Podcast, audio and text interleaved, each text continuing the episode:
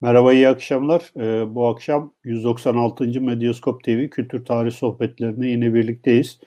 Ee, bugün Türkiye'de sivil havacılığın gelişimi üzerine bir yayın yapmak istiyoruz.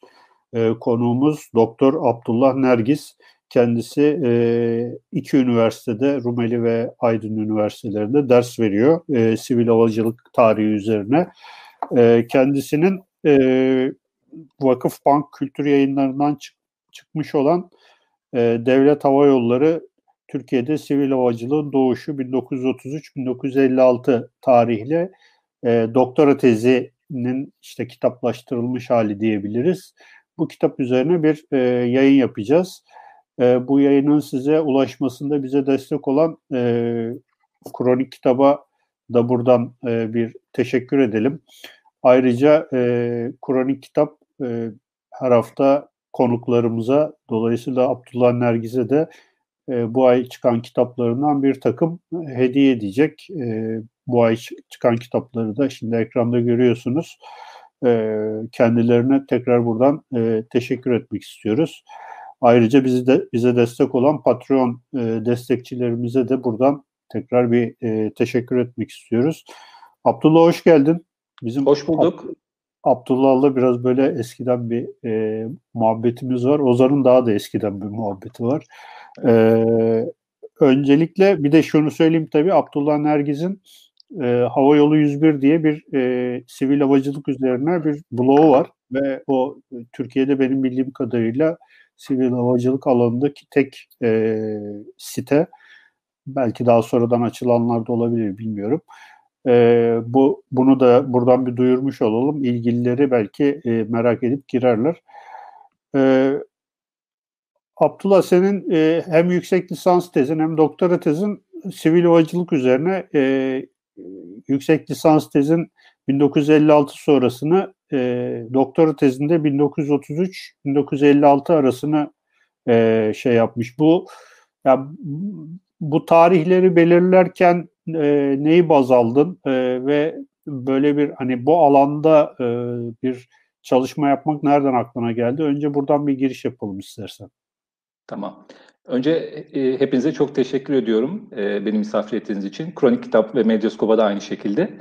E, hikayesi şöyle, e, Ozan'la zaten tanışıklığımız o tarihlere dayanıyor. Ben Türk Hava Yolları'nda çalışıyordum. E, 2005-2006 yılları o civar e, yüksek lisans yapmaya karar vermiştim. Marmara Üniversitesi Sosyal Bilimler Enstitüsü İktisat Tarihi bölümünde yüksek lisansa başladım.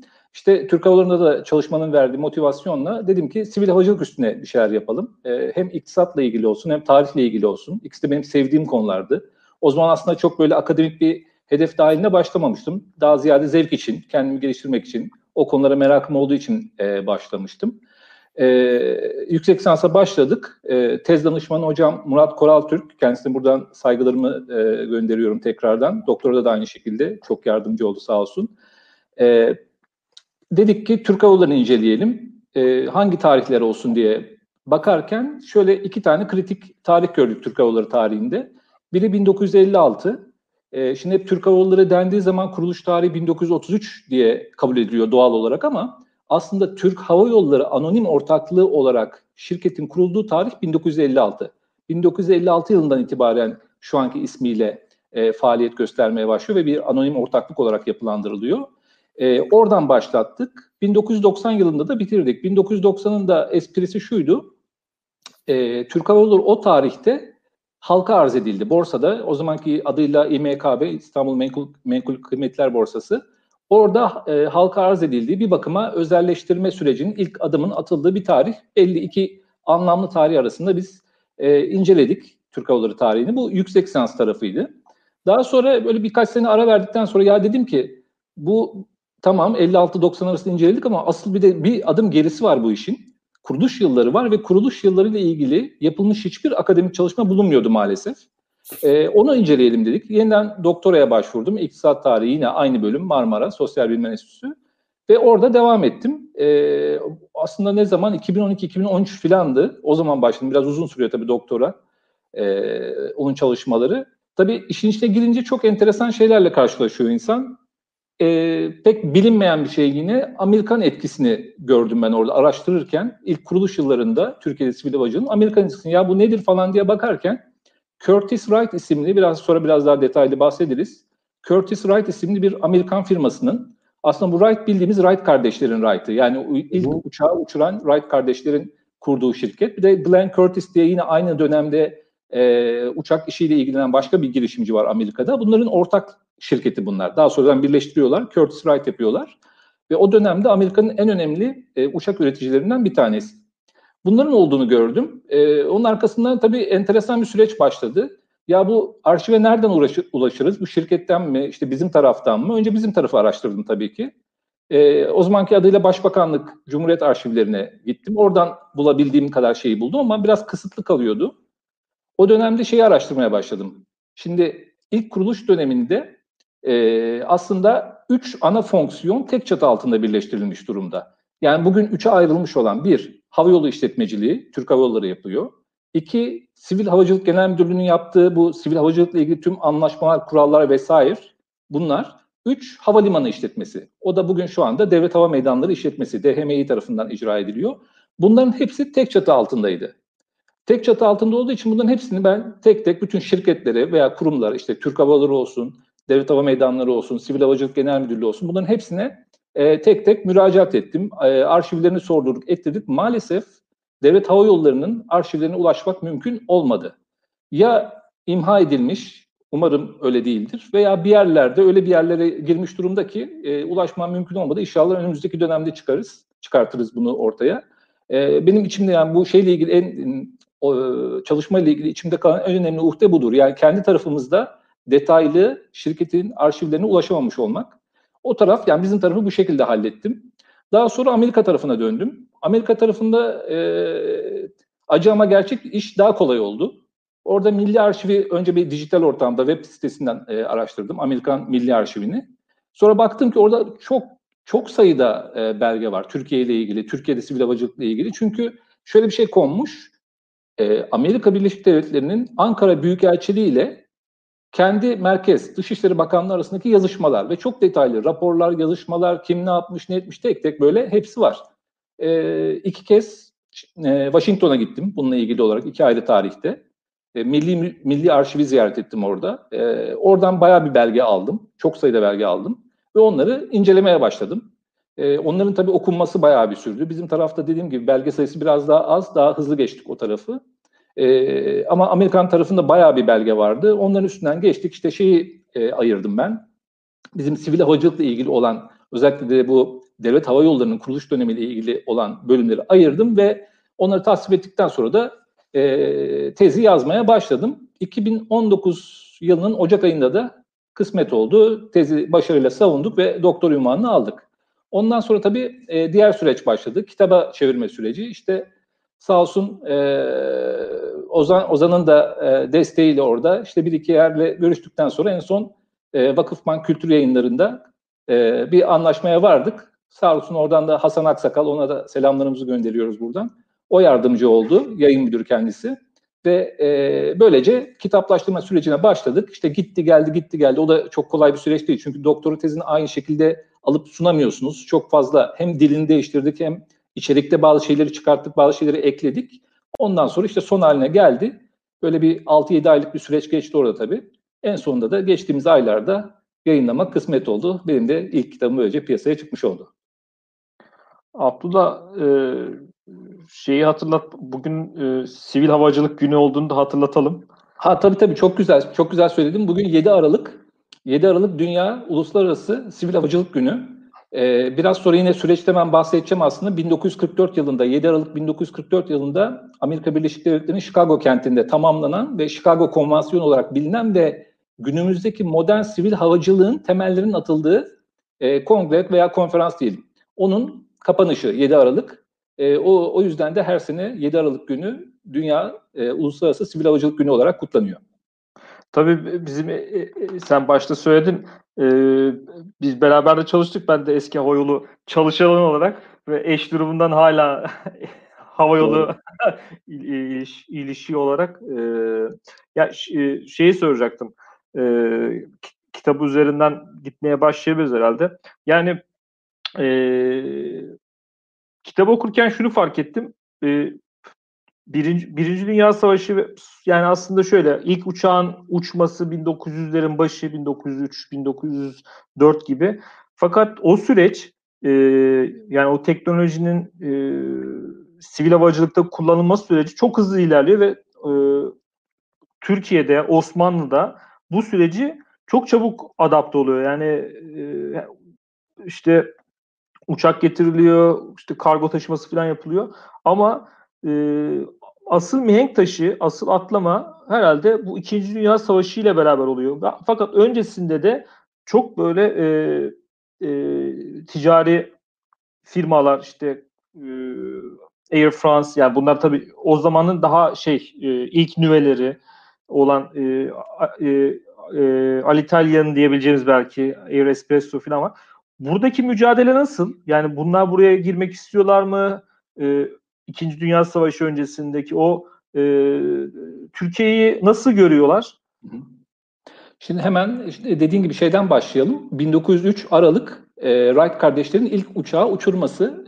E, uçaktan kasıt şu, e, havadan ağır olacak, uçak denen araç havadan ağır olacak, bir motorla güçlendirilmiş olacak ve idare edilebilir olacak. Yani yönlendirilebilir olacak. O yüzden mesela balon uçak anlamında kabul edilmiyor ama e, Wright kardeşlerin uçurduğu ilk araç bu kriterleri karşıladığı için ve bir fotoğrafla belgelendiği için ilk e, uçuşu, başarılı uçuşu onların yaptığı kabul ediliyor. 1903 Aralık. E, binlerce yıllık insanlık tarihini düşündüğümüz zaman aslında sivil havacılık dün veya genel olarak havacılık diyelim, uçak anlamındaki havacılık daha dün başlamış gibi. Ben bunu hem derslerimde hem Havayolu 101'de de sık sık belirtiyorum. E, dün başlamış gibi ama o kadar hızlı bir gelişme var ki çünkü muazzam bir fayda getirmiş insanoğluna. Hem yolcu taşımada hem yük taşımada hem de askeri tarafta. İşte 1903'te ilk Wright kardeşler uçuruyor ama hemen arkasından o Glenn Curtis dediğimiz kişinin başarılı denemeleri var. E, efendim söyleyeyim Fransa'da başarılı denemeler var. İngiltere aynı şekilde, Almanya'da var. Arka arkaya birçok ülkede e, uçak e, denemeleri başarıyla tamamlanıyor. Bunun arkasından şöyle bir şey oluyor. Orada da biz varız tabii olayda Osmanlı Devleti.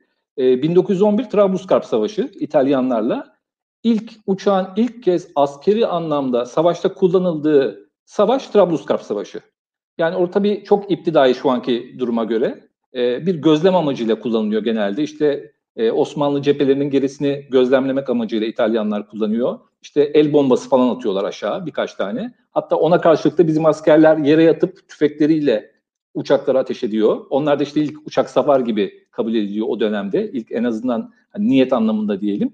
E, böyle bir şey oluyor. Arkasından Balkan Savaşları yine biz varız orada. Balkan Savaşları'nda askeri anlamda kullanılıyor. E, ve ondan sonra da işte malum Birinci Dünya Savaşı patlıyor. 1914-18 arası. Ben de e, yani sivil havacılığa tabii merakım var ama askeri havacılıkla ilgili çok fazla detaylı bilgim yok. Bu e, tez döneminde tabii rastlamıştım bu şeylere o kadar çok uçak üretilmiş ki Birinci Dünya Savaşı'nda askeri amaçlı. Yani 50 bin, 60 bin gibi ülke başına Fransa, Almanya, İngiltere özellikle bu ülkeler 50 bin, 60 bin gibi son derece yüksek adette uçak üretmişler tamamen askeri amaçlı. Tabii ilk dönemden itibaren biz de bunun farkına varıyoruz. Yani özellikle Trablusgarp Savaşı'nda bu ortaya çıkınca e, o dönem e, önce Milli Savunma Bakanı diyelim, daha sonra da Başbakan veya Sadrazam diyelim Mahmut Şevket Paşa e, bu işte bizzat ilgileniyor. Bu e, uçağın askeri anlamdaki özellikle değerini çünkü çok net bir biçimde anlamış durumda Osmanlı e, yönetimi ve hemen e, bununla ilgili girişimler başlatılıyor. İşte e, Avrupa'ya e, kurmay subaylar gönderiliyor, Almanya'da temaslar yapılıyor. Hatta Enver Paşa Almanya'ya gidiyor, işte Fransa'ya gidenler var. E, bunlar orada temaslarda bulunup acaba nasıl bir an önce biz bu uçağı kendi ordumuza dahil ederizin e, çalışmaları yapılıyor. Bununla ilgili ayrı komisyon kuruluyor. Ee, daha sonra işte bugün Atatürk Havalimanı'nın olduğu yer İstanbul'da. İlk İstanbul'un ve Türkiye'nin diyelim havalimanının e, yapıldığı yer. Tabii ki e, bugünkü anlamda düşünmeyelim. Çok daha iktidai şartlarda. Yani bir toprak pist, işte yanında basit bir, bir iki baraka bu şekilde ama ilk hava istasyonu o zamanlar öyle adlandırılıyor. Hava istasyonu ilk olarak şeyde kuruluyor. E, Yeşilköy'de kuruluyor İstanbul'da ve çalışmalar başlıyor. Ee, Birinci Dünya Savaşı'nda dediğim gibi biz de bir şeyler yapmaya çalışıyoruz ama ülke olarak da böyle bir gücümüz yok. Hani üretim anlamında, uçak üretimi anlamında en azından az sayıda da olsa, kısıtlı sayıda da olsa yurt dışından bir takım uçaklar getirip onları kullanıyoruz. Ee, yanlış hatırlamıyorsam 1917-18 gibi hatta İstanbul'da birkaç kere e, hava saldırısı da yapılıyor İngilizler tarafından e, uçaklarla. Bazı yerlere böyle işte el bombası tarzında bombalar atılıyor. Öyle de bir deneyimi de var İstanbul'un. E, ve dediğim gibi tüm dünyada şu çok net görülüyor. Bu uçak denen araç özellikle askeri alanda çok etkili, çok etkili, geleceği var. Aynı şekilde e, sivil tarafta da yolcu ve yük taşımada özellikle o zamanlar daha ziyade posta taşınıyor. Çünkü e, insanlar genelde korkuyorlar uçağa binmekten. E, posta taşımada çok etkili ve bir anda bütün ülkeler Birinci Dünya Savaşı'ndan sonra bu sektöre yani havacılığa e, çok ciddi yatırım yapmaya başlıyorlar. Bu şekilde hızlı bir ilerleme kaydediliyor Ozan. Buradan şey tamamdır. Devam edeyim. Mikrofonu kapalı da. tamam ben yok ben ben devam edeceğim. Ya şeyde peki e, hangi firmalar yani ilk başta Türk, Türk, Türk Hava yani Türk Hava Yolları devlet hava e, yolları dev, e, şirket kurulmadan önce ufak ufak böyle şeylerde başlıyor nedir? Girişimlerde başlıyor hep böyle hani şey edebiliriz. E, Vecihi Hürkuş ondan sonra e, Demira evet. Sürekli anlatılan bir şey var. Nedir? E, efsane değil mi? Böyle büyük bir e, anlatı var. Onların etkileri neler? Var mı öyle bir e, Tabii. etki? Şöyle 1920'den sonra özellikle Cumhuriyet e, kurulduktan sonraki dönemi anlatayım istersen. İkinci Dünya Savaşı'na kadar olan dönem, daha doğrusu 33'e kadar olan dönem. Çünkü orada bayağı bir yabancı şirket ilgi duyuyor Türkiye'ye arka arkaya. Şimdi Vecihi Hürkuş biraz daha tabii işin alaylı tarafında. Çünkü o pilot biliyorsunuz. E, hani böyle bir girişimci şeyi yok. E, pilotluk yapıyor ve e, şöyle bir hevesi var. Yani uçak üretmeye tabii çok hevesli ve de o dönemlerde uçak üretmek çok kolay şimdiye göre. Yani işte e, kanatları tahtadan yapıyorsunuz, bezle sarıyorsunuz. Bir de motor buldunuz mu önüne, önüne hani bir e, toprak pist gibi bir yer bile bulsanız kalkış yapıp e, uçabiliyorsunuz. Şimdiki gibi değil. O yüzden onun öyle hani müferit olarak uçak üretimleri var ama asıl yani girişim böyle daha planlı, programlı, mühendisleri istihdam edeyim, işte bir takım çizimler yapayım, hesaplar yapayım diyen kişi Nuri Demirağ tabii. Onun e, demiryolu e, döneminden, demiryolu inşaat döneminden gelen tecrübesi de var tabii. O biraz daha e, o konularda sistematik çalışmalar yapan birisi. E, o, o, o iki e, kişiyi yani Vecihi Hürkuş ve Nuri Demir'a ben çok fazla tabii şeye almadım. E, benim doktor tezim ön planda değildi. Çünkü devlet hava yolları ilişkili kişiler değil bunlar. E, kitapta da belirtiyorum hatta bunlarla ilgili bence çok daha ayrıntılı, çok daha detaylı e, gerçekten akademik çalışmalar yapılması gerekiyor. Ki Nuri Demirağ ile ilgili son dönemde bir kitap çıktı yine başka bir arkadaşımızın Almanya'da çalışıyor kendisi. Oradaki Alman arşivlerinden bulup Nuri Demirhan o zaman işte Almanya'daki bir takım tesislerle temasa geçip e, ürettirmeye çalıştığı bir uçakla ilgili bir kitap. Onu da tavsiye ediyorum buradan. E, o ayrı konular ama bizim devlet hava yolları işte sivil havacılık ulaştırma tarafından dediğimiz zaman 1920'li yıllarda arka arkaya Avrupa'dan çok fazla e, talep geliyor. E, o dönemde mesela Air France'ın nüvesi diyebileceğimiz Air France'ın ilk e, kök şirketlerinden olan e, bir şirket var. Uzunca bir ismi de var. O mesela ilgi duyuyor. Osmanlı'nın son döneminde temasa geçmiş. E, Cumhuriyet kurulunca tabii Cumhuriyet yönetimiyle temasa geçiyorlar ve orada bir izin alıyorlar. Ve izin şu, 1925 yılı itibariyle 20 senelik işletme hakkını alıyorlar. Neyin işletme hakkını alıyorlar? İstanbul'daki bildiğimiz işte o Yeşilköy Havalimanı dediğimiz yer var ya oranın işletme hakkını alıyorlar. Ve orayı dönüştürüp biraz daha işte pistini daha düzgün bir hale getirip e, daha büyük e, barakalar oraya inşa edip hangar diyelim e, bunları kurup 20 senelik e, bir işletme sürecine başlıyor Air France firması. Dediğim gibi ismi değişik daha sonradan e, Air France oluyor. E, o tesisler çok enteresandır. Mesela bugün gidin orada şey var ya e, Florya'da askeri havacılık müzesi. Onun iç tarafında o şeyler hala duruyor. O barakalar. O barakalar hala duruyor.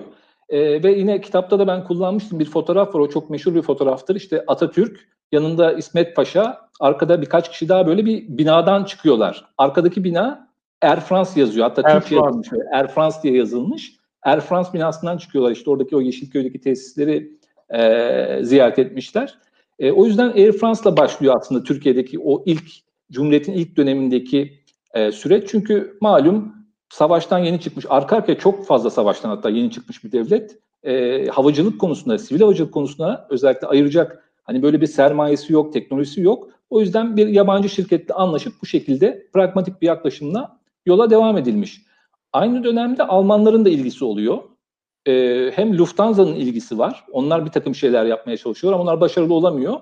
Junkers biraz daha başarılı o noktada. Alman Junkers firması. O da Almanya'nın en meşhur uçak üreticilerinden, motor üreticilerinden aynı zamanda. Onlarla bir anlaşma yapılıyor. Ee, oradaki espri de şu, Versay Anlaşması sebebiyle e, Almanya kendi ülkesinde bir takım silah konusunda bir takım üretimleri yap, yapması yasaklanmış.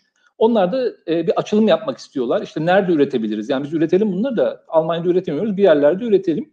Bir Rusya ile anlaşması var Junkers'in. Rusya'da e, üretim yapıyorlar. Bir de işte Türkiye'ye geliyorlar.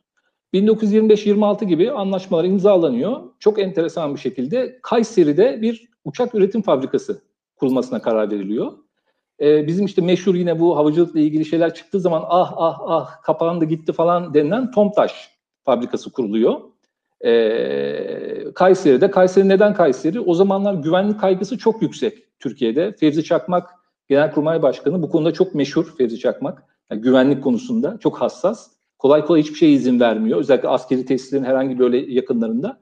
O yüzden ülkenin en ortasında hem e, herhangi bir askeri saldırı falan olduğu zaman uzak bölgesi hem de ulaşımı kolay değil. Tabii ulaşımı kolay olmayınca birçok şey açısından da kolay değil. Yani elektriğin olmadığı, altyapının olmadığı bir yere uçak fabrikası kuruyorsunuz siz. Bu kuruluyor gerçekten. E, aynı dönemde Eskişehir'de de motor üretimiyle ilgili bir fabrika kuruluyor. E, ve bugün hem Kayseri'de hem Eskişehir'de bizim havacılıkla ilgili olan bir takım işte kurumlar, tesisler vesaire işte hep o yapılan anlaşma dönemine dayanıyor. E, ama hem Junkers iyi durumda değil maddi açıdan. Böyle iflasa sürükleniyor bir iki sene içerisinde. Hem de Junkers ile Türk e, tarafı arasında böyle bir takım anlaşmazlıklar oluyor. Bu, bu sebepten dolayı birkaç sene içerisinde o anlaşma bozuluyor. Duruyor o şey. Fabrika üretimi duruyor. E, o arada işte şeyden de bahsedelim tabii. KLM gelmeyi istiyor Türkiye'ye o dönemlerde yine e, 1920 sonrasında Hollanda'dan. E, onların bir takım girişimleri var ama o da işte bir yerde bir birkaç sefer yapılıyor İstanbul'a. Sonra en son bir İstanbul'a gelirken bir yerde kaza geçiriyor e, KLM uçağı. Hemen uçuş izni iptal ediliyor. Bir, bir daha Türkiye'ye gelmiyorlar. E, bir diğer e, önemli girişim o dönemde yine Aero Espresso Italiana. Bu çok enteresan bir e, firma. Şöyle enteresan. Ben yine hem derslerimde hem Ayolu 101'e sık sık e, vurguluyorum. Sivil havacılıkla siyaset, uluslararası siyaset özellikle etle tırnak gibi. Bunları birbirinden ayırmak mümkün değil. Daha en başından böyle olmuş. Yani 1920'lerde de 30'larda da böyle. İşte 2020'lerde de böyle, 2030'larda da aynı şekilde devam edecek. E, bu Aero Espresso Italiana nedir? Çok enteresan bir tarih gerçekten. Şimdi e, Mussolini malum İtalya'nın faşist diktatörü e, hep hani Doğu Akdeniz politikası sebebiyle bir gerginlik olduğu söylenir ya Türkiye ile arasında. Aslında ilk dönemde tam tersine ilk ilk yıllarında e, Türkiye'yi kendi yanına çekmek, Yunanistan'ı kendi yanına çekmek ve Akdeniz'de özellikle Doğu Akdeniz'de böyle geniş bir hakimiyet alanı kurmak istiyor Mussolini. Bu çerçevede bu şirket kuruluyor. E, bu şirketin güzergahı da şu, deniz uçaklarıyla sefer yapıyor bu arada bu uçak, şey, e, şirket. Brindisi'den, İtalya'nın güneyinde o çizmenin topuk kısmına yakın bir yerden, oradan kalkıyor, Yunanistan'a gidiyor Atina'ya. Atina'ya orada bir duraklama yapıyor. Yolcu indiriyor, indiriyor, yük indiriyor, indiriyor. Oradan da İstanbul'a geliyor. Ama İstanbul'a gelirken ne yapılıyor? Deniz uçağıyla geliyor ya. Çok enteresan bir biçimde Büyükdere'ye izin verilmiş. Yani Büyükdere o zaman için, şu an için bile öyle. Yani Boğaz'ın kuzey noktası, bayağı şehir merkezinden uzak bir noktaya e, yer gösterilmiş şirkete ve oraya bir deniz havalimanı diyebileceğimiz bir yer kuruluyor sahilde. Uçak oraya iniyor, işte kızakları üstünde, denize iniyor yani. Oraya yanaşıyor, yolcular oradan indiriliyor, işte otobüsle şehre taşınıyorlar falan. Bu bayağı bir süre gidiyor aslında, uzunca bir süre. Sonra 1930'lara gelindiğinde, bu 1920'lerde, 20'lerin ortasında başlıyor şeyleri, seferleri. Sonra 1930'lara geldiği zaman işte bu bir gerginlik artmaya başlıyor tabii İtalya ile şey arasında, Türkiye arasında. Onun akabinde de belli bir tarihten sonra bunların bütün e, şeyleri iptal ediliyor, izinleri. Önce bir ikazlar falan deni, e, veriliyor. Daha sonra da izinler iptal edilip e, tamamen uçuşları iptal ediliyor. Yani baktığımız zaman özellikle 1933 öncesinde işte Air France veya Fransız şirket diyelim. E, Aero Espresso Italiana, Lufthansa'nın tabii seferleri oluyor yine e, Berlin'den. E, artı bir de Junkers'in denemesi var ama Junkers e, dediğim gibi hiçbir zaman şeye başlayamıyor. Yani uçak üretimi biraz başlıyor ama seferlere başlayamıyor. Çünkü onların öyle bir talebi de var. Hani iç hatları e, biz yapalım, iç hat seferlerini başlatalım, Türkiye içerisinde sefer yapalım gibi bir talepleri var ama o hiçbir zaman yerine gelmiyor. Ben bir de bu noktada şeyi belirteceğim. Şimdi oradan buraya sefer yapıyor falan diyoruz ama bugünkü gibi düşünmeyin. Yani işte Air France Paris'ten kalkıp İstanbul'a direkt gelmiyor veya işte KLM Amsterdam'dan e, kalkıp İstanbul'a gelmiyor veya Lufthansa Berlin'den atlayıp veya Frankfurt'tan atlayıp İstanbul'a gelmiyor. Onlar hep duraklamalı bu şekilde.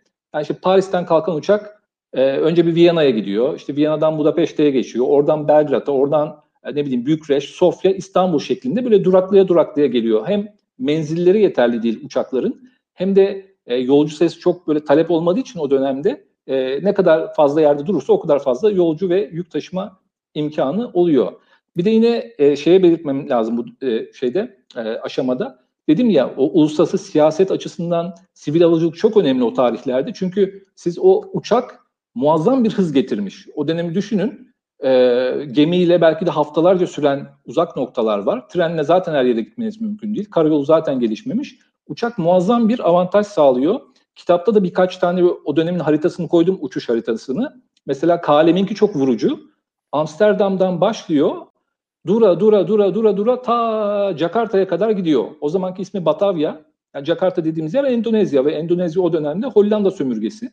Düşünün siz bu sayede yani uçak sayesinde, uçak denen bu araç sayesinde merkez ülkeyle dünyanın belki de işte öbür tarafında diyebileceğimiz, öbür ucunda diyebileceğimiz bir ülkeyi birbirine bağlıyorsunuz.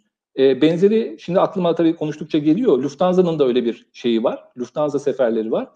Bir sefer şunu istiyor Lufthansa. Diyor ki biz şeyin üstünden geçelim. İstanbul'a kadar gelelim. İstanbul oradan Ankara. Oradan devam edelim. İşte Bağdat, Tahran, Kabil o şekilde doğuya uzanalım diye bir niyetleri var. Bir de ikinci bir hat var onların. Sibirya'dan giden yani Kuzey Rusya'dan giden ve uzak doğuya, Çin'e ve Japonya'ya ulaşan e, hatları var Lufthansa'nın ve onlar bayağı uzun süre orada sefer de yapmışlar yani 2. Dünya Savaşı başlayana kadar. İngilizlere de şey Hindistan'a, Delhi'ye giden. İki, iki çatal diyebiliriz. Bir dediğin gibi Hindistan'a giden bir kol var. Bir de güneye ta Cape Town'a kadar inen bir kol var. Yani o açıdan baktığımız zaman orada o, o dönemde uçağın keşfi veya icadı diyelim keşfi değil de icadı, uçağın icadı bu anlamda hem yani sömürge devletler açısından da olsun hem daha böyle nispeten büyük e, coğrafi alana sahip ülkelerde iç hat e, ulaşımı açısından da olsun çok önemli bir sıçrama tabii. Ee, hocam şimdi bu e, 1933 sonrasına gelelim. Bu Amerikan etkisinden bahsettiniz. Hem de yani e, çalışmanız sırasında en fazla faydalandığınız e, kaynaklardan birisi işte o zamanın büyükelçiliğiyle işte şey arasında Amerika arasındaki yazışmalar dediniz. E, bu, buradan biraz bahsedelim. Nedir bu bizim sivil havacılık tarihimizde e, Amerikan etkisi? Tamam. Ee, e, onun öncesinde aslında şu oluyor, onu da hemen belirtelim. Sadece direkt Amerika ile temasa geçip oradan bir e, işte yardım alalım, şirket ortaklığı kuralım falan gibi bir durum yok. Bütün yine pragmatik bir yaklaşımla bütün e, ilgili e, taraflarla görüşülüyor. E, mesela şöyle bir e, incelik var. E, 1928 yanlış hatırlamıyorsam Aviation Week diye hala yayında olan 100 küsür senelik bir havacılık dergisi var Amerika'da. E, orada ben şuna rastlamıştım. 1928 e, Ağustos ayıydı yanlış hatırlamıyorsam Ağustos sayısı. E, diyor ki Türkiye'de bir milli havayolu sistemi kurulması konusunda çalışmalar başlatıldı 1928. Ondan sonra ne geliyor? 1929 önemli, iki açıdan önemli. Bir, o tarih Lozan Anlaşması'ndaki bir takım bu kapitülasyonlarla ilgili bir takım şeyler var ya işte gümrük vergisi vesaire onların e, belli bir süre sabit tutulması yönünde bir şey var. Onlar kalkıyor. Biraz daha hani Türkiye ekonomik anlamda serbestliğe kavuşuyor 1929 sonrası. Artı 1929'da bir de dünyada büyük işte buhran e, yaşanıyor Amerika çıkışlı olarak. Şimdi ondan sonra o tarih önemli. Ondan sonra Türkiye'de birçok alanda millileştirme çalışmaları başlıyor. Ee, işte elektrik idareleri, hava gazı, ne bileyim demir yolları vesaire çok hızlı bir biçimde bütün bu şirketlerin yeniden devletleştirilmesine devlet tarafından satın alınmasına çalışılıyor. Benim anladığım kadarıyla aynı şekilde yani o net bir şey yok tabii benim elimde bu konuda bir bilgi yok ama tahminim gördüğüm e, devletin üst tarafında Türkiye Cumhuriyeti Devleti'nin üst tarafında yöneticilerde şöyle bir şey de var. Ya bugüne kadar yabancılara izin verdik. Bunlar işte İstanbul'a Ankara'ya sefer yapıyorlar. Artık biz yavaş yavaş kendi havayolu şirketimizi kuralım. Bu konuda çalışmalara başlayalım. Böylece 1928 ortalarından itibaren çalışmalar başlıyor. Ee, mesela o dönemde Air France'ın teklifi oluyor. Türkiye'ye diyor ki gel ortaklaşa şirket kuralım. Aynı şekilde Lufthansa'nın teklifi oluyor. Yani Alman tarafı ve Fransız tarafı ilgili. Onların e, teklifleri oluyor. Gel e, ortak şirket kuralım diye. Yine aynı dönemde işte e, Amerikalılarla bir temas kuruluyor. E, Ahmet Emin Yalman'dan belki bahsetmek lazım. O da gerçekten sıra dışı bir şahsiyet. E, Türk basın dünyasında hem de böyle iş dünyasında da rolü var. Ahmet Emin Yalman e, Şeyh Said isyanından sonra bir şekilde işte gazeteciliğe bir dönem ara vermek zorunda kalıyor. E, o dönemin şartları çerçevesinde. Ve kendisi 1910'lu yıllarda yüksek öğretimini Amerika'da tamamlamış bir kişi. Amerikalılarla çok böyle e, içli dışlı. Amerika'nın o dönemki ya konsolos ya büyükelçi diyor ki ya sen bu şekilde olmayacak gel ben sana bir şey ayarlayayım. E, birkaç tane Amerikan şirketinin temsilciliğini ayarlayayım. Bu şekilde e, sen işte hayatını idame ettirirsin. Daha sonra şartlar değişince de gazeteciliğe dönersin diyor. O çerçevede Tatko şirketini kuruyor Ahmet Emin Yalman ve ortakları yine akrabaları vesaire. Tatko galiba hala var Türkiye'de. Ah, e, Alp Yalman vardı bir ara Galatasaray Başkanı. E, o Tatko'nun e, sahibiydi. İşte onlar hepsi aynı şey, akraba onlar. Ahmet Emin Yalman bu şekilde şirketi kuruyor ve 4-5 tane arka arkaya Amerikan şirketinin Türkiye temsilciliğini alıyor. O dönemde şöyle bir şeye rastlıyorum ben. Ahmet Emin Yalman Amerika'ya bir gezi yapıyor eşiyle beraber. Birçok yeri geziyor orada böyle Amerikan firmalarını, temsilcisi olduğu şirketleri. Bir de Curtis Wright firmasıyla temasa geçiyor. Curtis Wright firmasının merkezine gidiyor, onlarla temasa geçiyor. Ve hemen arkasından da bir gezi düzenleniyor Türkiye'den Amerika'ya. Gezide kimler var? Belli başlı bu askeri havacılık konusunda özellikle tecrübeli olan subaylar var. Artı bir de Ahmet Emin Yalman var o heyetin içinde. Bunlar hep beraber işte 1929-30 yılları o civarda Amerika'ya bir sefer yapıyorlar, bir gezi düzenliyorlar ve yaklaşık iki ay sürüyor yanlış hatırlamıyorsam. Bayağı uzunca bir gezi. Bayağı bir yerini geziyorlar Amerika'nın ve o arada işte Curtis Wright firmasıyla bayağı bir yakınlaşma oluyor.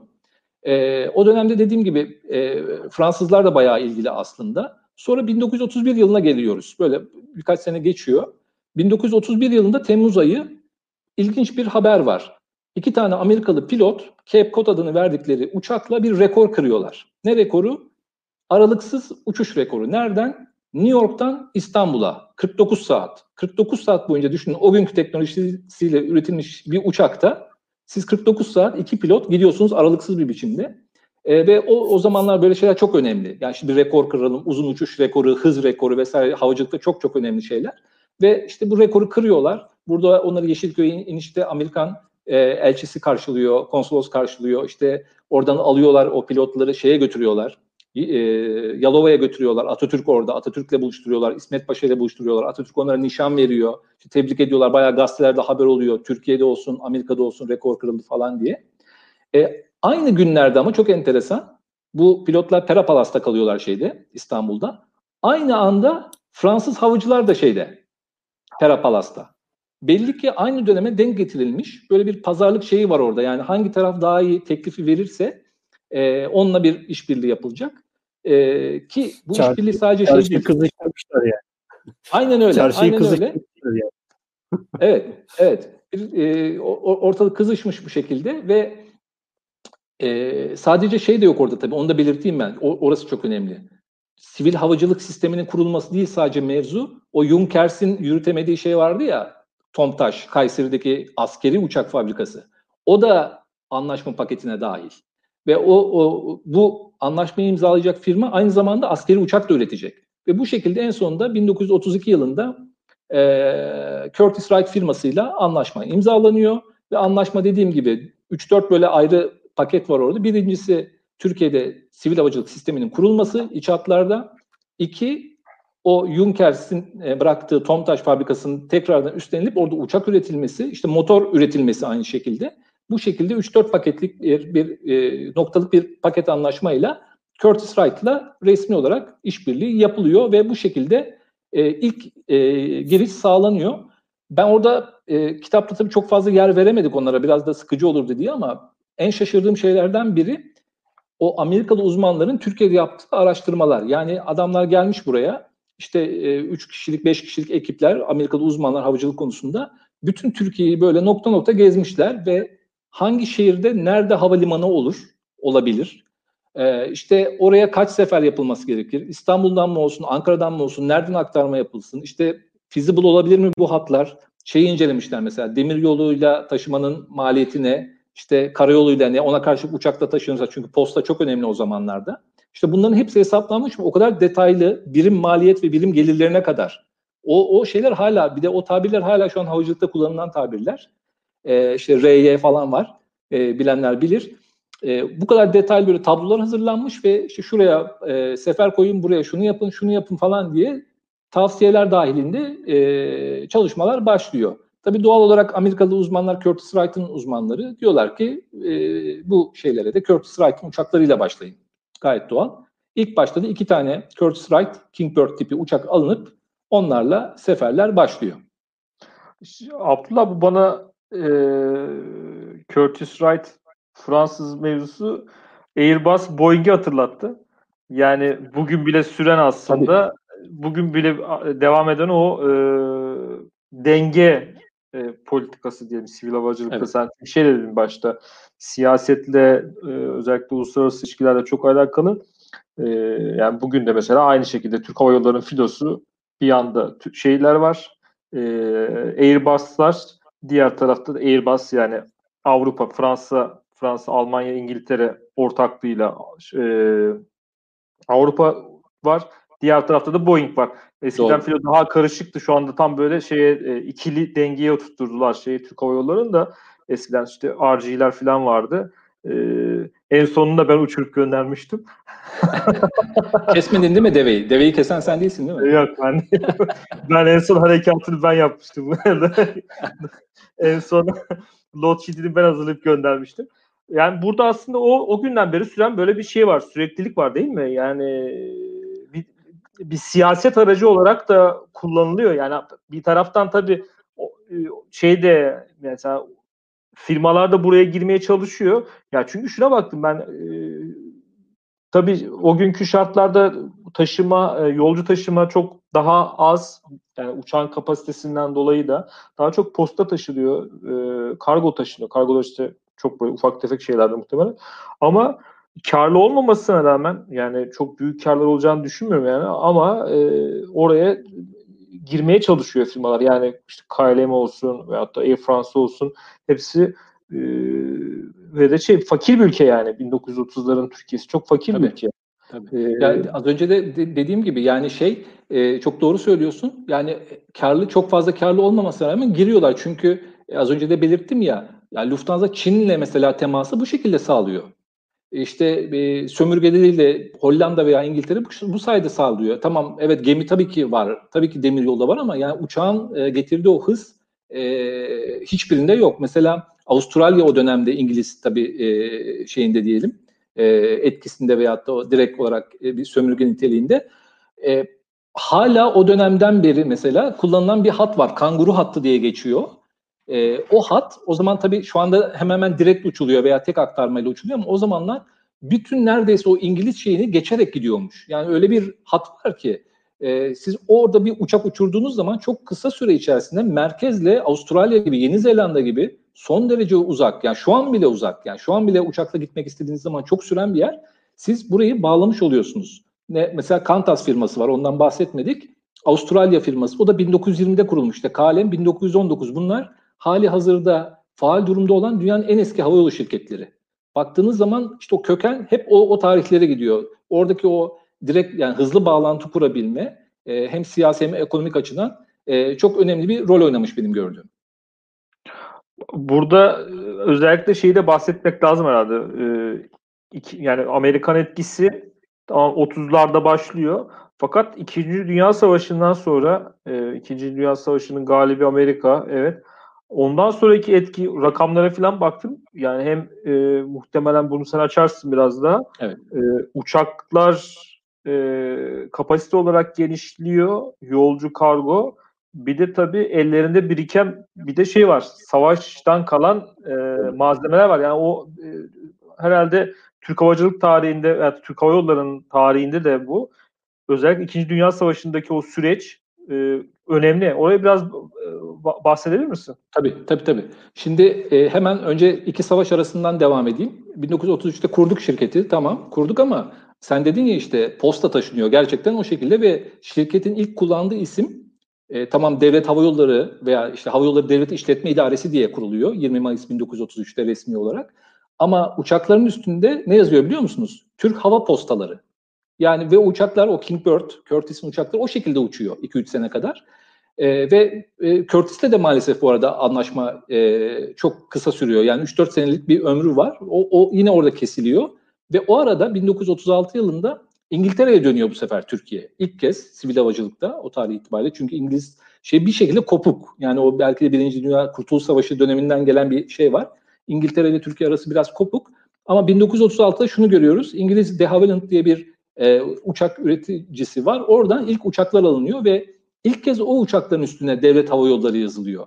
Ve biraz daha kapasitesi fazla, daha fazla yolcu taşınmaya başlıyor, daha fazla noktaya uçuluyor. Bu şekilde e, İkinci Dünya Savaşı'na kadar geliniyor. O arada mesela şimdiki gibi tabii filo bütünlüğü vesaire yok. Mesela 1933'te Ruslar bize, Sovyetler Birliği diyelim o dönem, Sovyetler Birliği bize 10. yıl armağanı gönderiyorlar. Bir tane uçak Tupolev ANT-10 diye bir uçak. E, onu gönderiyorlar mesela. O kısa süreli kullanılıyor. Tabii bunların hepsi yedek parçası vesairesi olmadığı için kısa süreli kullanılıp bir kenara ayrılıyor. Ama diğer o De Havilland tipi uçaklarla şeye kadar gidiliyor. İkinci Dünya Savaşı'na kadar. Sonra savaş başlıyor. Ee, tabii herkes bir kendi tarafına çekilmiş durumda. Türkiye yine iç hatlarda bir şeyler yapıyor ama dış hat bağlantısı çok zayıf. Bir Lufthansa'nın uçuşları devam ediyor belli bir süre Türkiye'ye. Ee, ondan sonra bir arayış tabii ki başlıyor Türkiye'de. Ya bu şeyi geliştirelim e, hava hava yolu taşımacılığını hem askeri tarafta hem sivil tarafta. O arada mesela çok enteresan yine Almanya'dan uçaklar alınıyor. 1944 yılında Almanya'dan e, Alman uçakları alınıyor yolcu uçağı olarak. Onlar çok kısa süre kullanılıyor. E, ve ondan sonra da işte e, başta baş, bahsettik ya bugün 7 Aralık Dünya Uluslararası Sivil Havacılık Günü diye. İşte o e, onunla ilgili bir gelişme yaşanıyor. 1944'ün Kasım ayı artık savaşın gidişatı belli. E, Almanlar bir şekilde yenilecekler ama zaman meselesi ne zaman olacağı belli değil. E, Amerika şöyle bir şey yapıyor. Diyor ki e, savaş sonrası döneme ilişkin olarak bir sivil havacılığı bir zapturapt altına alalım. Bir kurallar yazalım. Bu böyle sıra dışı bir iş. Yani neticede insan tabiatına uygun bir şey değil. Yani havada uçuyorsun çok hızlı bir biçimde. Gerçekten çok kurallı olması gerekiyor. Çünkü yani kaza yaşanması işten bile değil. E, ve Kasım ayında tüm dünyada ilgili işte kendi tarafındaki özellikle e, devletlere mesaj gönderiliyor. Diyor ki Chicago'da bir konferans topluyoruz. Savaş sonrası döneme ilişkin olarak sivil havacılığı masaya yatıracağız. İşte birçok ülkeden, 50 küsur ülkeden e, temsilci geliyor oraya. Orada bir konuşmalar başlanıyor. İşte müzakereler vesaire. Haftalarca sürüyor. E, iki e, unsur var orada. Bir Amerikan tarafı var, bir İngiliz tarafı var. İkisinin farklı anlayışları var. Amerikan tarafı diyor ki tamamen serbest olsun bu iş. Yani belli temel kurallar konsun ama onun dışında tamamen serbest olsun. Yani isteyen havayolu izin dahilinde istediği yere uçsun, Fiyatları istediği gibi belirlesin. Tamamen serbest olsun. İngiliz tarafı ise çok korumacı. Diyor ki hayır böyle olmasın. Tam tersine e, son derece sıkı kurallar olsun. İsteyen istediği yere uçamasın. İşte devletler arasında anlaşmalar olsun. O olsun bu olsun. Neticede bu iki taraf birbiriyle bir şekilde anlaşamıyor ve çıkmaza giriyor. Son anda işte Kanada temsilcileri araya giriyor. Bir şekilde tekrardan bir araya getiriyorlar Amerikan ve İngiliz tarafını. E, bu arada şunu belirtelim. Mesela bayrak taşıyıcı kavramı o dönemden kalan bir şeydir. Bayrak taşıyıcı. Yani her bir ülkenin temsilci bir havayolu şirketi diyelim. Milli havayolu şirketi atanıyor ve uluslararası anlaşmalarda o e, geçerli oluyor. Ama Amerika tarafında tarihinde hiçbir zaman böyle bir şey olmamış. Amerika Birleşik Devletleri'nde bayrak taşıyıcı diye bir kavram yok. E, şirketler tamamen özel. Hiçbir zaman bir devlet girişimi olmamış. Tamamen serbest. Neyse böyle bir şekilde bir araya geliyorlar. Diyorlar ki tamam o zaman anlaşmayı yapalım ama ticari konularda genel bir şeye e, hükme varamıyorlar yani tamamen serbest mi olsun yoksa çok kısıtlıcı mı olsun. Diyorlar ki o zaman şöyle bir şey yapalım. E, biz belli belli kurallarda anlaşmayı yapalım ama ikili sivil havacılık anlaşmaları tarzında ikili anlaşmalar ülkeler arasında kendileri tarafından yapılsın. Yani atıyorum İngiltere ile işte Türkiye arasında uçuş yapılacak İngilizlerle, İngiliz hükümetiyle Türk hükümeti otursun ve anlaşmayı yapsın. E, bu şekilde e, imzalasınlar, faaliyetler başlasın. Buna karar veriliyor ve 7 Aralık'ta resmen, 7 Aralık 1944'te resmen bu konvansiyon imzalanıyor ve bugünkü işte Uluslararası Sivil Havacılık Örgütü'nün de temellerinin atıldığı e, konvansiyondur o. ICAO olarak kısaltılıyor. Onun temellerinin atıldığı e, kongre olarak bugünkü de dediğim gibi sivil havacılığın, modern sivil havacılığın kurallarının temelinin atıldığı konvansiyon olarak tarihe geçiyor Chicago Konvansiyonu. Ve arkasından şu geliyor. İşte 1945 malum Mayıs'ta önce Almanya e, teslim oluyor. Daha sonra yaz aylarında Japonya'ya atom bombası atılıyor malum. E, onlar devre dışı kalıyor ve savaş tamamen bitiyor. Onun arkasından e, elde senin az önce bahsettiğin işte o askeri e, uçak meselesi var. Çünkü savaş boyunca on binlerce uçak üretilmiş. Amerika on binlerce uçak üretmiş ve uçakları tüm dünyaya göndermiş. Yani çünkü öyle bir şey ki Amerika cepheleri e, pardon Avrupa cephesinde de binlerce uçak var. İşte Kuzey Afrika'da var, ne bileyim Uzak Doğu'da var, her tarafta var. 1944 yılındaki o konferansta Amerikan tems- temsilcisi kalkıyor diyor ki e, bayanlar baylar savaş bittiği zaman elimizde binlerce uçak fazlası olacak. E, biz bunları yani kullanamayız daha sonra. Biz bunları çöp atacağız neticede. Çöp olacak bunlar. Siz gelin bunları alın, bunları kullanın. Ve gerçekten de 1945 sonrası birçok şirket yani şu tarihlerine bakın e, Avrupa'da olsun bizim bölgemizde olsun birçok şirkette DC-3 tipi Douglas firması tarafından Amerikan Douglas firması tarafından üretilen DC-3 tipi uçakları görürsünüz. Böyle üç tekerleklidir. İşte arka tekerlek küçüktür. Önde iki tekerlek. Burnu yukarı doğru durur uçağın hatta. Bu uçaklar bunlar normalde askeri nakliye uçakları. Ama bunlar e, yolcu uçağına çevriliyor. İçine koltuk konuyor ve e, 20-25 civarında koltuk konabiliyor tercihe göre. E, bu sayede çok büyük bir katkı sağlıyor havayolu şirketlerine. Tabii Türk Hava da ilgileniyor bununla. Hemen araştırmalar yapılıyor. Ee, işte paslanmasınlar diye veyahut da paslanma süreci biraz daha yavaş olsun diye çöllere çekilmiş uçaklar. Mısır'da, Libya'da, orada burada. Buralara gidiliyor, Kahire'ye gidiliyor. Oradan temaslar yapılıyor ve 1945-46 yıllarında bir anlaşma imzalanıyor. Her biri 20 bin dolardan 30 tane DC-3 uçağı alınıyor sadece şey için. Türk Hava Yolları için. Yani o zaman tabii ismi Devlet Hava Yolları. Ee, onlar için 30 tane uçak alınıyor. Bu e, az önce de sen belirttin. Muazzam bir sıçrama Türkiye için. Çünkü o ana kadar işte 8-10 koltuklu maksimum uçaklar varken siz birden işte 25-30 koltuklu uçakları koyuyorsunuz ve bu uçaklar diğer uçaklara göre biraz daha fazla uçabiliyorlar. Ee, ne bileyim biraz daha hava şartlarına daha fazla dayanıklı. Çünkü önceki dönemlerde kış geldiği zaman seferler duruyormuş Türkiye'de. İşte navigasyon sistemleri uygun değil, havalimanı şartları uygun değil, uçaklar uygun değil. Ama DC-3'lerle beraber bu değişmeye başlıyor. Bir de tabii siz e, ülke olarak e, biraz daha Amerikan tarafına yaklaşmaya başlıyorsunuz e, Türkiye olarak. Çünkü malum 1947'ydi yanlış hatırlamıyorsam e, Sovyetler Birliği'nin bir talebi var. Kars, Ardahan, işte Boğazlar vesaire orada bir talep geliyor.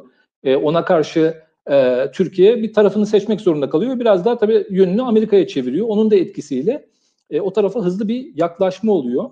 Bu uçaklar alınırken aynı zamanda Amerika'dan çok sayıda şey getirtiliyor. E, uzmanlar.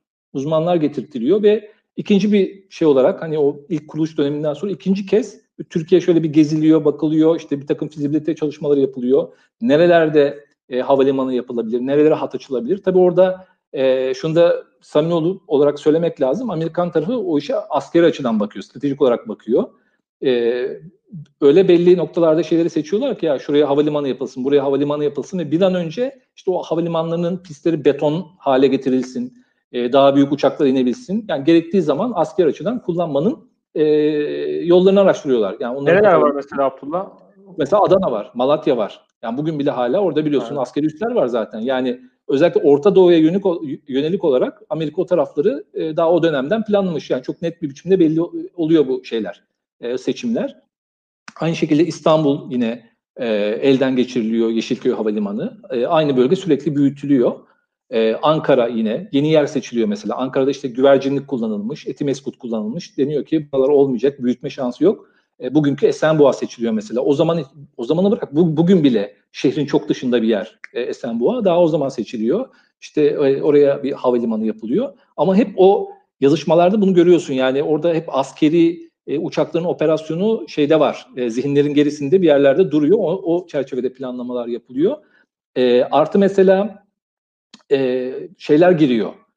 E, biri Westinghouse, biri White Engineering. Westinghouse inşaat tarafı, işte White Engineering adı üstünde mühendislik tarafı, Amerikan firmaları bunlar bütün projeleri üstleniyorlar. İstanbul'daki işte Yeşilköy Havalimanı'nın modernizasyonu, Esenboğa Havalimanı'nın inşası, diğer böyle güneydeki o havalimanları, Adana vesaire bunlarda hep Amerikalıları görüyoruz. Onlar oraları e, böyle bir elden geçirip e, daha modern, e, daha büyük, daha e, güçlü motorlara sahip, daha geniş e, uçakların kullanabileceği bir hale dönüştürüyorlar.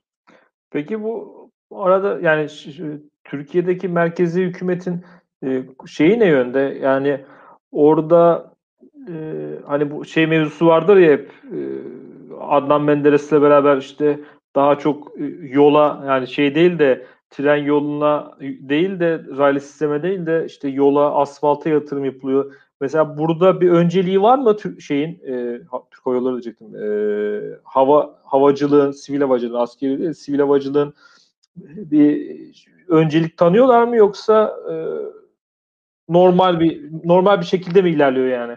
Ya orada şöyle bir şey var. Yine bir e, Amerikalı uzman e, dalgası yaşanıyor Türkiye'de diyelim 1945 sonrası. E, işte Thornburg raporu var, Heinz raporu var. E, bu gibi raporlar var daha önceden de gelen. E, bunlar da şimdi her iki tarafta var aslında. Yani Amerikalıların yani biri gelmiş demiş ki karayoluna ağırlık verin. Karayolu yapın. Onu bunun diyene bakıyorsunuz adam zaten Amerika Birleşik Devletleri'nde karayollarıyla ilgili kurumun başındaki adam. Yani o oradan gelen köken olarak. Yani dolayısıyla o ne biliyorsa onu tavsiye etmiş. Ama mesela bazıları da gelmiş demiş ki siz havacılığı geliştirin, işte elinizdeki DC-3'leri modernize edin ve Türkiye'yi Batı ile Doğu arasında bir köprü olarak kullanın. Aslında son 15-20 senede özellikle Türk Hava Yolları'nın çok başarılı bir biçimde kullandığı bu aktarma noktası olma özelliğini kullanın demişler. Yani Avrupa'dan gelenler sizin bu, buradan geçsin, işte ne bileyim Irak'a gitsin, Suriye'ye gitsin, İran'a gitsin, Afganistan'a gitsin. Bu yönde tavsiyeler var. Bunlar söylenmiş.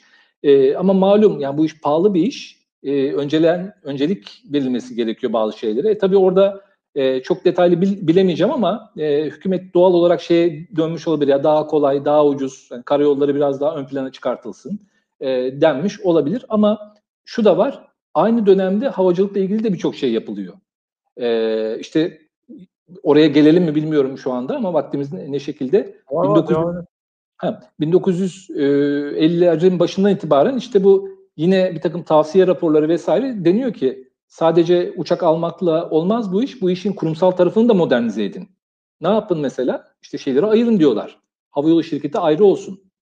E, sivil havacılıkla ilgili kuralları e, koyan ve denetleyen kurum ayrı olsun. E, havalimanı işletmesi ayrı olsun. Bunları ayırıyorlar.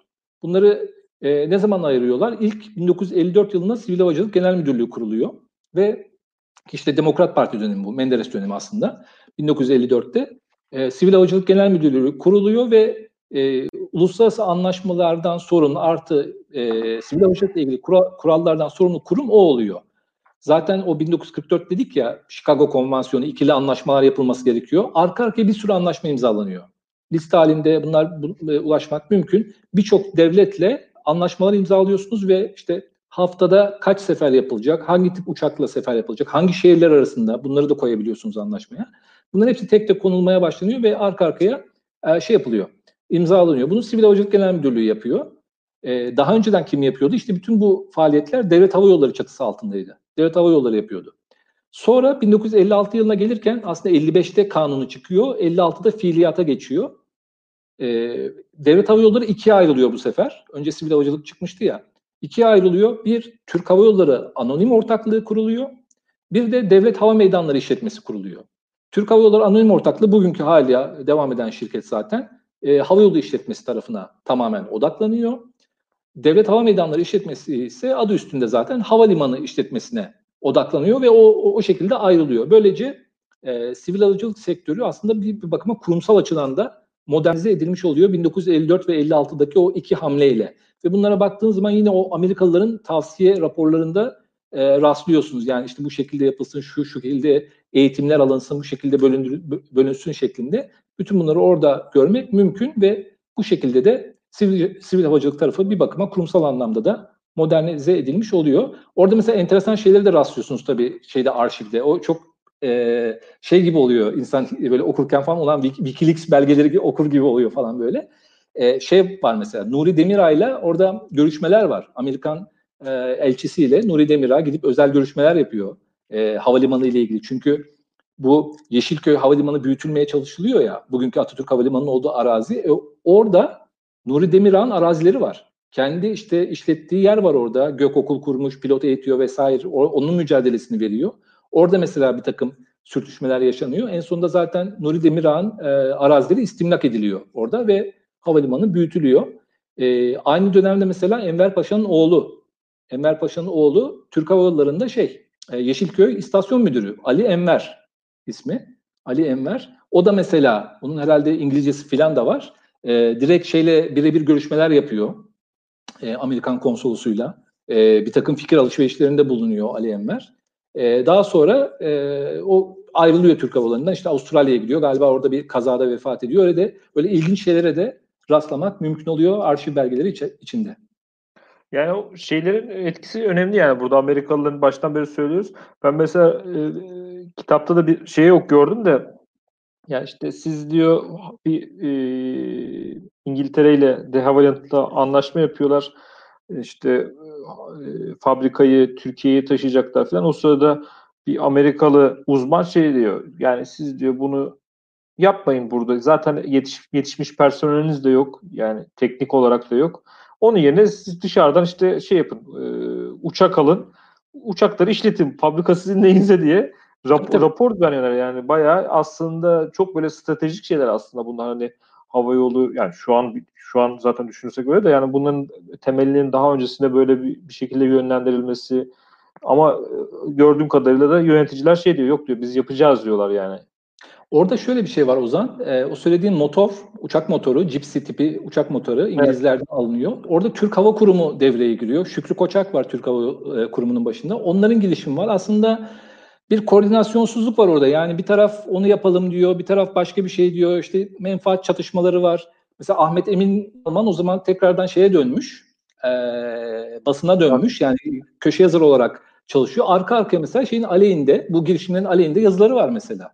Ya işte ne gerek var böyle masraf yapılıyor motorla bilmem neyle. Bizim yapmamız gereken işte uçak alıp dediğin gibi uçak alıp bunu işletip Türkiye'yi bir Doğu Batı arasında köprü halinde aktarma noktası haline getirmek diyor mesela. Ee, yani onların hepsi biraz tartışmalı konular. Yani uçak üretiminde de aynı şeyler söyleniyor ya.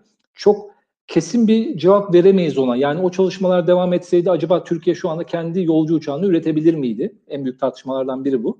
Ee, yani birçok kişi üretebilirdi diyor ama bir de işin e, ilerleyişine baktığımız zaman bu o kadar kolay bir şey de değil. Yani Amerika'da 4-5 şirket varmış mesela İkinci Dünya Savaşı'ndan sonraki dönemde yolcu uçağı üreten. Bunların birer birer iflas edip hepsinin neticede işte Boeing firması çatı alt, çatısı altında birleştiğini görüyoruz biz. Yani önce McDonnell'la Douglas birleşiyor. İşte sonra Lockheed firması var yolcu uçağı tarafını kapatıyor. E, McDonnell Douglas'ı işte 90'ların sonunda Boeing alıyor falan. Şimdi Amerika Birleşik Devletleri gibi son derece kuvvetli bir ülkenin bile bir tane uçak üreticisi var. Yolcu uçağından bahsediyorum hep. Avrupa tarafına bakıyorsunuz. İşte o dönemde her, hepsinin kendi üretimi var. İngiltere'nin, Almanya'nın, İtalya'nın, İspanya'nın, Fransa'nın. Onlar bile becerememişler. Becerememişten kastım teknik anlamda değil, ticari tarafını kastediyorum bu arada. Yani e, çünkü çok maliyetli bir iş. E, üretmek ayrı bir şey. Onu bir de e, ticari anlamda karlı olarak satmak ayrı bir şey. Onlar da yapamamışlar. Ne yapmışlar? Önce İngiliz-Fransız ortaklığıyla bir Concorde üretilmiş. Teknolojik anlamda muazzam bir başarı. Ticari anlamda tarihe geçecek bir fiyasko. Yani 12-13 tane üretiliyor düşünün o sesten hızlı yolcu uçağından. Ve sadece British Airways ve Air France satın alıyor. Başka kimse almıyor. Çok az. Ben, ben de onu söyleyecektim. Geçenlerde e, şeyde e, Crown dizisinde e, gördüm en son. E, bu Prenses. Diana şeyden iniyor falan böyle hani Concorde'dan falan. Hani evet. uçağı hatta gördük yani sonuçta bizim e, gençliğimizde vardı uçak. Uçak tamamen hayatımızdan çıkmış. Halbuki o ilk çıktığı zamanı ben çok iyi hatırlıyorum. İşte yani çok büyük bir olaydı yani işte hem sesten şekli çok gidiyor. farklıydı. Tabii. Ondan sonra sesten hızlı gidiyordu, şuydu falan filan. Fakat yani e, burada mesele teknolojiyi e, üretmek değil. Yani bunun e, ticari bir şey olması. Yani kendi pazarının için üretmek de sorun değil. Onun yani uluslararası bir marka haline getirerek yani şey evet. şey yapmak, e, dağıtım ağını vesairesini sağlamak. Yoksa sadece Türkiye için o yatırım yapılmaz yani hani Türk Hava Yolları için yapılmaz. Yani o uçağı mutlaka hani bizim şimdi bu aralar çok tartışılıyor yerli araba falan filan me- evet. mevzusu. Hani yani bu, bu, bu tarz yatırımlar artık sadece kendi iç pazarına yönelik e, yatırımlar olarak düşünüldüğü zaman mutlaka işte e, şeydeki Concorde'daki felaket durumuyla tabii. da karşılaşabiliyorsun yani. Tabii tabii tabii. Yani o yüzden e, ne oluyor? Toparlayayım orayı hemen. E, evet. Concorde'u da bakıyorlar ki olmuyor yani. Olmuyor derken yani olmuş ama ticari anlamda olmuyor. O arada işte Airbus'u kuruyorlar 70'li yıllarda. Almanya'da topa giriyor, İtalya'da giriyor ama orada Airbus'ta ana iki devlet şeydir. E, Almanya ve Fransa ki Avrupa'daki ana üretim merkezleri biri Toulouse'dadır Fransa'da, biri Hamburg'da, e, Almanya'da. Ama tabii işin içinde İspanya'da var, İtalya'da var, İngiltere'de var. Hepsi bir şeyler üretiyor. Ne bileyim mesela Rolls-Royce motorları var. E, uçak motorları İngiliz neticede köken olarak. E, işte İtalya'da e, bir takım şeyler üretiliyor. İspanya aynı şekilde. Onlar bir güç birliğine gidiyorlar ve neticede baktığımız zaman iki büyük üretici kalıyor. E, tamam Embraer var Brezilya'da. İşte Bombardier firması vardı ama onu sattılar yolcu uçağı tarafını Kanada'da. E, mesela Sovyetler Birliği 70 senelik bir dönemde çok sayıda yolcu uçağı üretmiş ama o bile zorlanıyor şu anda yeniden modern uçak üretmede. İşte Çin kendi yolcu uçağını üretmeye çalışıyor ama Çin'in ürettiği uçağa bakıyorsunuz motor işte ya Avrupa ya Amerika. Navigasyon sistemleri aynı şekilde, elektronik sistemler öyle. İşte başka böyle kritik sistemler hepsi ya Avrupa'dan ya Amerika'dan alınmış. Ee, en son Japonya, şimdi Japonya kuvvetsiz bir ülke mi? Hem ekonomik anlamda hem teknoloji anlamda çok kuvvetli bir ülke. Mitsubishi firmasıyla yıllardır yolcu uçağı konusunda e, proje yürütüyordu. İşte geçen ay resmen askıya aldılar projeyi. Yani şu anki şartlar çerçevesinde. O yüzden e, evet devam ettirilse o dönem 1940'lar özellikle Nuri Demirağ'ın girişimi devam ettirilse belki yolcu uçağımızı tamamen kendimiz yapamazdık ama en azından böyle büyük böyle e, firmalarla belki de bir ortaklık içerisinde yani olabilir. Şey de olabilir yani. Belli bir noktaya gelebilirdi bizde de şey. Ee, yetişmiş eleman ve daha tabii yetişmiş eleman mevzusu da önemli yani orada. Tabii burada şey de çok önemli aslında. Çok güncel bir mevzu olacak ama hani ben az çok içinde içinde olduğum için söylüyorum. Ee, çok da kırılgan bir sektör sivil havacılık. Özellikle işte bu özellikle pandemide e, sıfırlandı yani işler, uçuşlar. O yüzden çok da kırılgan şey bir yapısı da var. Yani çok da çok üst güven, e, üst düzey güvenlik isteyen e, yani nihayetinde ayağımız yerden kesilerek yüzlerce binlerce mil binlerce kilometre yukarıda uçuyorsun. Yani o cidden o şeyler de çok önemli. E, güvenlik e, güvenlik ondan sonra e, seyir sefer güvenliği, uçuş güvenliği bunlar önemli şeyler. O yüzden de e, çok böyle hem pahalı e, hem de bir diğer tarafıyla da çok masraflı bir sektör. Tabii e, yani, yani biraz dağılacak konu ama yani yok, son yok, toparlamak yok, için şey diyeyim. Mesela Boeing'in başına gelenler. Boeing dediğiniz firma ya 1910'larda kurulmuş. Yani 100 küsur senedir e, bu, bu işin içinde olan bir firma. E, binlerce uçak üretmiş hem askeri tarafta hem yolcu tarafında. İşte malum 737 MAX yaşananlar ortada. iki tane arka arkaya kaza ve bakıyorsunuz bir yazılım hatası. Yazılım hatası sebebiyle yüzlerce kişi hayatını kaybetti. Bin, e, ne zaman? 2018 miydi? 2010 2019 pardon. 2019'un Mart ayından beri uçak yerde. Tüm dünyada yere çekildi. E, uçuşları yasaklandı. Şimdi yeni yeni başlıyor. Yeni izin verdi. Sadece Amerika'da o da. Amerika izin verdi. İşte American Airlines e, deneme uçuşları yapıyor şu anda birkaç tane. 29 Aralık'ta ilk resmi uçuşu yapacak. Neredeyse 20 ay yerde kaldı bu uçaklar. 100 senedir uçak üretmiş olan bir firmanın ürettiği uçak bu. Yani dediğin gibi öyle basit bir iş değil. Hani ayağımız yerden kesilsin de falan evet. e, diyebileceğim bir şey değil. E, Zor iş yani. Çok çok e, ince bir iş. Benim bir kabin amiri arkadaşım vardı. Ee, onlara ilk e, işte bu hosteslik eğitimi, hostluk eğitimi verilirken e, öğrettikleri ilk şey havacılıkta bütün kurallar kanla yazılmıştır e, diye bir e, böyle derse başlamışlar ve e, düşündüğümüz zaman gerçekten e, öyle gerçekten. Öyle yani evet. Öyle. evet. Hocam e, yavaş yavaş toparlayalım. Son olarak söylemek istediğiniz e, bir şey varsa alalım. E, Son olarak şeyi bağlayabiliriz. Yani 1956'da ben e, şimdi kitabın başında 56 diyoruz ama orayı biraz hafif uzatarak bıraktım ben kitapta. Hı-hı. Doktor tezinde de öyle. 57'ye getirip çünkü benim niyetim ikinci bir kitap hatta çalışmalarına başladım onu yazmaya. kısmetse Türk Hava Yolları odaklı olarak 1956-80 arasını inceleyeceğim.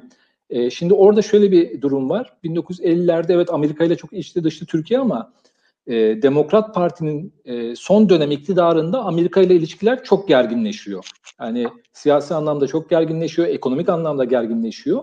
O dönemde de Demokrat Parti'nin şöyle bir şeyi var. İşte e, devlet şirketlerini anonim şirket haline getirelim ve bunlara yabancı ortak mümkünse bulalım. Bunları bir şekilde özelleştirme yoluna gidelim. E, ondan nasibini alanlardan biri Türk Hava Yolları. Zaten kurulurken o anonim ortaklık lafı anonim şirket.